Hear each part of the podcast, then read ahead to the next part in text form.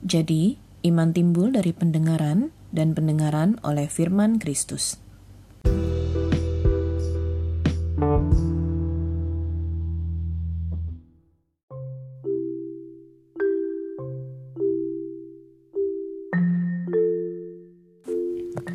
Alkitab banyak sekali mengajarkan tentang pemuritan, mulai dari kisah Elia dan Elisa, Yesus dan murid-muridnya, berbagai kisah para rasul, dan sebagainya.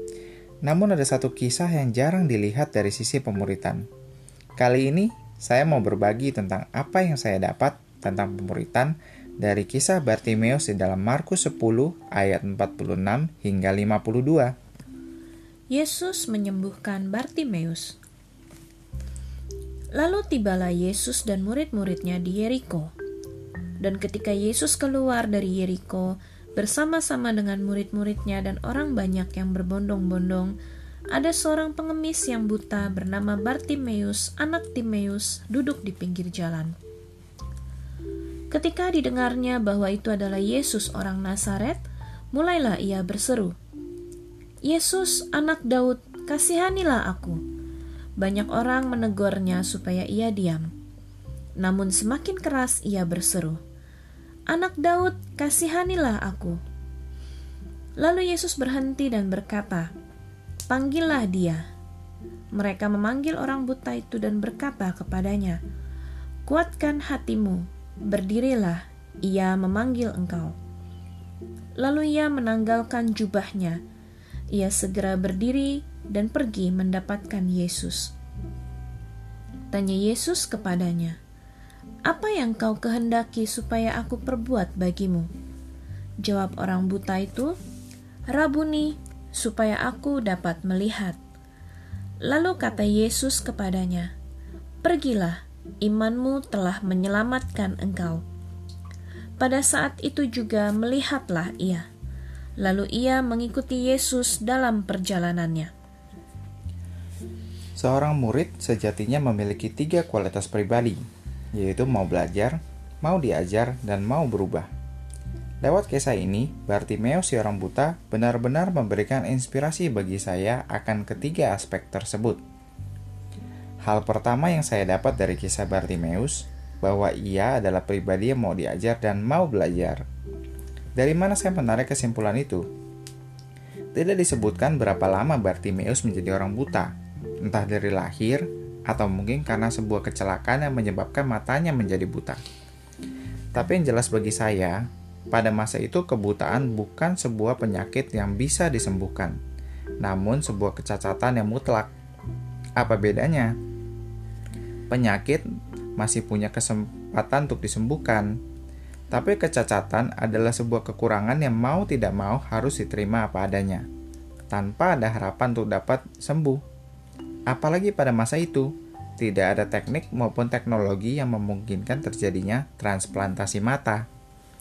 Orang buta sendiri melambangkan seseorang yang tidak bisa membedakan arah, tidak tahu mana yang benar, mana yang salah. Perlambangan akan kebodohan manusia. Orang buta cenderung menilai dengan telinganya. Kata orang, hal itu menjadi referensi utama bagi orang-orang buta karena sulit bagi mereka untuk melihat apa yang sesungguhnya ada di depan mereka. Makanya Alkitab mewanti-wanti kita lewat Roma 10 ayat 17. Jadi, iman timbul dari pendengaran dan pendengaran oleh firman Kristus. Orang buta harus aware untuk fokus mendengarkan firman Kristus, bukan kata orang. Dikatakan juga bahwa Bartimeus seorang pengemis. Saya menilai bahwa jika Bartimeus sampai menjadi pengemis, artinya sudah cukup lama dia buta. Kalaupun dia buta karena kecelakaan, rasanya hartanya sudah habis untuk menopang hidupnya. Jelas sangat sulit bagi orang buta untuk bisa bekerja dan mendapatkan penghasilan yang layak. Hal ini menunjukkan seberapa luar biasanya Bartimeus yang sekalipun berada dalam kondisi yang tidak ada harapan, tidak menjadi patah semangat atau hanya duduk diam dan menerima nasib. Sebagai orang buta, Bartimeus tentu sulit sekali untuk aware dengan apa yang terjadi di sekelilingnya. Dia bisa saja memutuskan untuk duduk seperti biasa dan tidak peduli dengan apa yang sedang terjadi di sekelilingnya, meskipun ia mendengar bahwa Yesus lewat. Bayangkan, Memang seberapa terkenalnya Yesus di masa itu, belum ada surat kabar, belum ada radio, televisi, atau media sosial. Berarti dengan asumsi bahwa Bartimeus pernah mendengar tentang bagaimana Yesus mengadakan mujizat kesembuhan, ia menanti-nanti dengan siap sedia, bahkan di tengah-tengah kondisi tempat umum yang sangat berisik. Bukan cuma itu, Bartimeus pun segera berseru, Yesus anak Daud, kasihanilah aku. Nah, dikatakan dalam ayat 48, banyak orang menegurnya supaya ia diam. Namun semakin keras ia berseru, Anak Daud, kasihanilah aku. Jelas bisa kita lihat kegigihan Bartimeus di sini. Terkadang ketika kita mau melihat sebuah pelajaran dalam hidup kita, banyak sekali suara-suara menjatuhkan kita, mematahkan semangat, dan di sini Bartimeus memberi contoh kepada kita bahwa semakin dia ditegur, semakin keras ia berusaha. Meskipun belum ada jaminan ada perubahan yang akan terjadi. Hal ini seakan mengingatkan saya, dalam proses hidup sering kali kita merasa lelah dan mau berhenti ketika kita tidak mendapatkan support yang kita inginkan dari orang-orang sekitar kita. Kisah Bartimeus bisa menjadi pegangan kita ketika menghadapi hal-hal seperti ini. Yesus pun tidak pernah mengecewakan. Dia memanggil Bartimeus untuk mendekat kepadanya. Pelajaran kedua yang diberikan adalah ketika dikatakan, "Kuatkan hatimu, berdirilah." Ia memanggil engkau. Menguatkan hati dan bangkit berdiri menandakan bahwa Yesus mau kita keluar dari tempat di mana kita ada saat ini. Dia mau kita mengambil inisiatif untuk menghampirinya, bukan menunggu saja di tempat dan berharap mujizat segera terjadi. Ini merupakan ujian bagi kita. Apakah kita benar-benar mau belajar dan mau diajar? Pelajaran ketiga dari Bartimeus adalah ketika dia meninggalkan jubahnya. Aksi Bartimeus meninggalkan jubahnya mungkin hanya sebuah perbuatan kecil yang tidak begitu penting untuk diperhatikan. Namun, jika kita melihat seberapa antusias Bartimeus sebelumnya, bukankah sewajarnya ia langsung berdiri dan pergi mendekat kepada Yesus tanpa perlu membuang-buang waktu untuk melepaskan jubahnya dulu. Pada masa itu, jubah adalah perlambangan dari status seseorang. Menanggalkan jubah di sini saya tangkap sebagai sebuah proses mengosongkan diri, meninggalkan harta atau status untuk dapat menerima dengan penuh apa yang hendak diajarkan Tuhan kepadanya, tanpa menyisakan pengalaman, pemahaman, pemikiran, perasaan, atau kehendak pribadinya.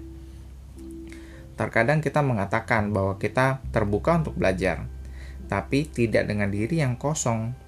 Makanya, banyak sekali terjadi perdebatan, keraguan, atau hal-hal lainnya yang menghambat kita untuk menerima pembelajaran dengan utuh. Ketika apa yang diajarkan kepada kita tidak sesuai dengan pengalaman atau pemahaman kita, kita cenderung membantah dan tidak mengindahkan hal tersebut. Tentu, kita tidak mau seperti orang bodoh yang menerima mentah-mentah semua hal yang diajarkan kepada kita secara random. Makanya diajarkan kepada kita dalam 1 Tesalonika 5 ayat 21. Ujilah segala sesuatu dan peganglah yang baik. Tuhan sudah memberikan kita alat uji yang paling benar, yaitu firman-Nya di Alkitab. Jika apa yang diajarkan seseorang kepada kita menyimpang dari apa yang diajarkan oleh Alkitab, kita perlu menghindarinya. Pelajaran keempat, Ketika Bartimeus menjawab Yesus, Rabuni, supaya aku dapat melihat. Panggilan Rabuni ini dalam tradisi Yahudi adalah panggilan murid kepada guru. Panggilan inilah yang menguatkan saya bahwa Tuhan sedang mengajarkan kepada saya bagaimana menjadi seorang murid yang benar. Panggilan Rabuni atau Rabi pada masa itu adalah cara seorang murid memanggil gurunya dalam budaya Yahudi. Dan ketika Bartimeus berkata, "Supaya aku dapat melihat," bukan sembuhkan mataku. Ini merefleksikan keterbukaan hati Bartimeus akan bagaimana Yesus akan bertindak. Pengalaman pribadi dengan Yesus tidak sepatutnya kita atur menurut mau hati kita. Namun, kita dengan sepenuh hati menjadikan Dia sebagai guru, kita juga harus terbuka dengan cara apa pun Tuhan mau mengajarkan kepada kita tentang sesuatu. Pelajaran kelima dan yang terakhir dari Bartimeus adalah ketika Bartimeus mengikuti Yesus dalam perjalanannya setelah ia dapat melihat. Setelah mendapatkan pengalaman pribadi yang luar biasa dari Yesus, Bartimeus tidak kemudian menjadi sibuk dengan dirinya sendiri, mencari kerabat dan keluarganya, atau melakukan hal-hal yang dia inginkan, yang tidak dapat dilakukan ketika ia masih buta. Namun Bartimeus dengan segera memutuskan untuk tetap setia dan mengikuti dia dalam perjalanannya. Mungkin Bartimeus sudah tidak sabar lagi untuk belajar lebih banyak dan mengalami Yesus lebih lagi. Ini adalah peringatan yang keras bagi saya, di mana kita sering kali lupa dengan Tuhan setelah menerima anugerahnya dalam hidup kita, terutama setelah melewati proses-proses sulit kita kita cenderung mau menikmati masa selesai proses yang kita dapatkan dari Tuhan. Semoga pelajaran yang saya dapatkan bisa menjadi inspirasi buat semuanya. Tuhan Yesus memberkati.